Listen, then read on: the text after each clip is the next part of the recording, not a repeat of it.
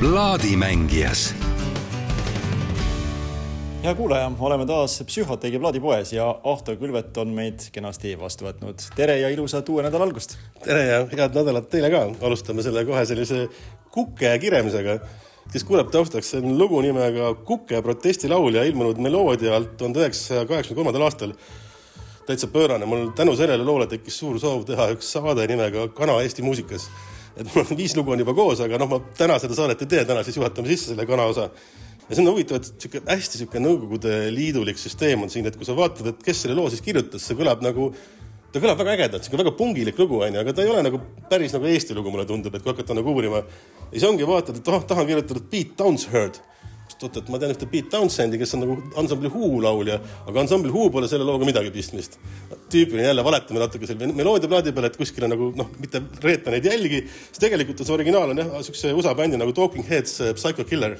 ja seda tihti nagu teatakse, sama rütm, sama vibe, aga see cover, ma väidan, et ei ole mitte Talking Headsi loost, vaid siukse ansambli nagu The Fools loost, loost, mille nimi on Psycho Chicken, kus siis samamoodi siis kana, läbi kana siis vaadatakse seda pungimaailma võib nii öelda selline pöörane, pöörane seiklus. Ja kusjuures bänd ise, see on ansambel Kontor, see on seitsmetoonine plaat, ümbris on üks, ma ei teagi, sihuke, üks veidramaid nagu ka Nõukogude Liidu mõistes ümbrised, kus nagu üldse ei saa aru, miks seda tehtud on või kuidas või nagu sihuke noh, hästi palju on pruun-pruunil teksti ja mingit tegevus käib siin, mingid kübarad ja mingid telefonid ja mingid laualambid ja ausalt öeldes täiesti segaseks jääb ja siis, kui kuulama hakkad seda plaati ka, siis et see üks pool on sihuke üsna pungilik, mis on kaheksakümne kolmanda aasta Nõukogude Liidu kohta ikka päris veider onju. aga siis, kui vaadata, kes seal nagu taga on, et lisaks sellele salapärasele põh-Downsheadile on seal siis Heino Seljamaa kes siis tegelikult oligi sihuke natuke sihuke nagu noh, kuidas siis öelda nagu naljaartist või et ma saan aru, et ta siis ka selle kontorit nagu juhatas sisse-välja ja siis see nagu lisab sellele nagu uue mõõte aga kui selline kukelaul oli kuskil, ma ei tea, Viru varietees või kuskil hilisel õhtutunnil, kui inimesed olid palju napsu võtnud,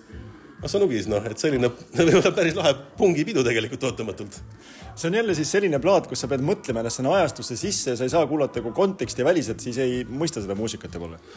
ja ma arvan küll, ma ei usu, et nad nagu punkarid olid, aga samas siin pildi peal on kõigil kaabud peas, võib-olla neil on harjad seal kaabu all, see võib ka olla, eks ju. see oli vana hea punkarite viis, kuidas esineda tarifitseerimisel oli see, et hari tõmmati nagu siledaks ja pandi kaabu pähe, et välja ei paistaks, aga ausalt öeldes ma ei usu hästi.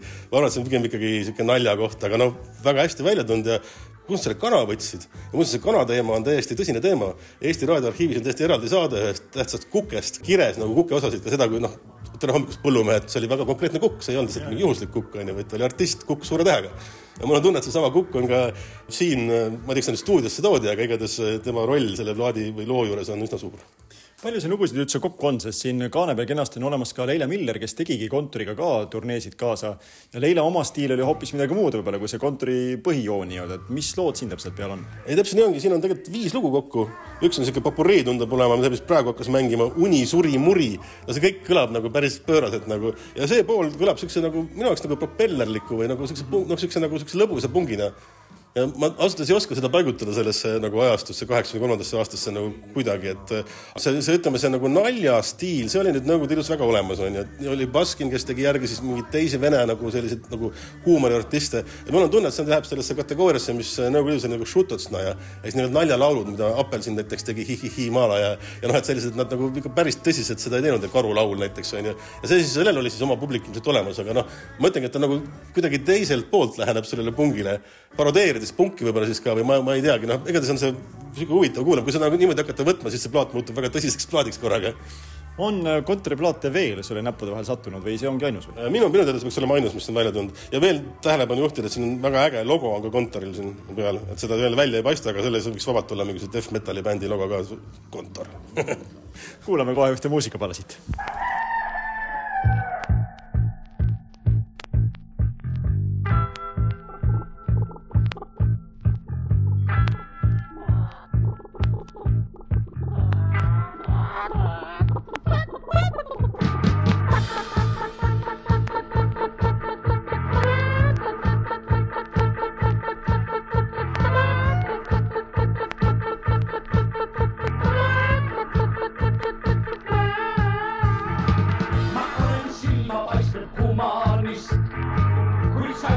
Yeşil da kana murevist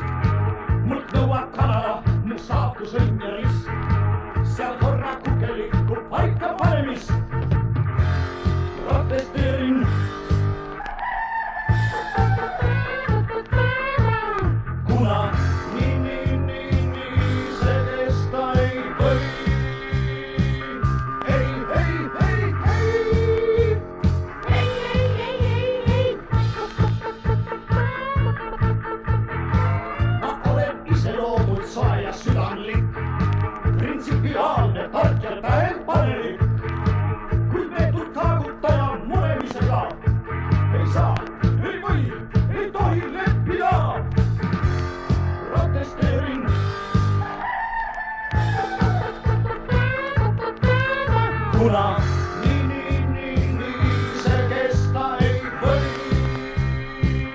Ei, ei, ei, ei. Ei, ei, ei, ei, ei. Ei.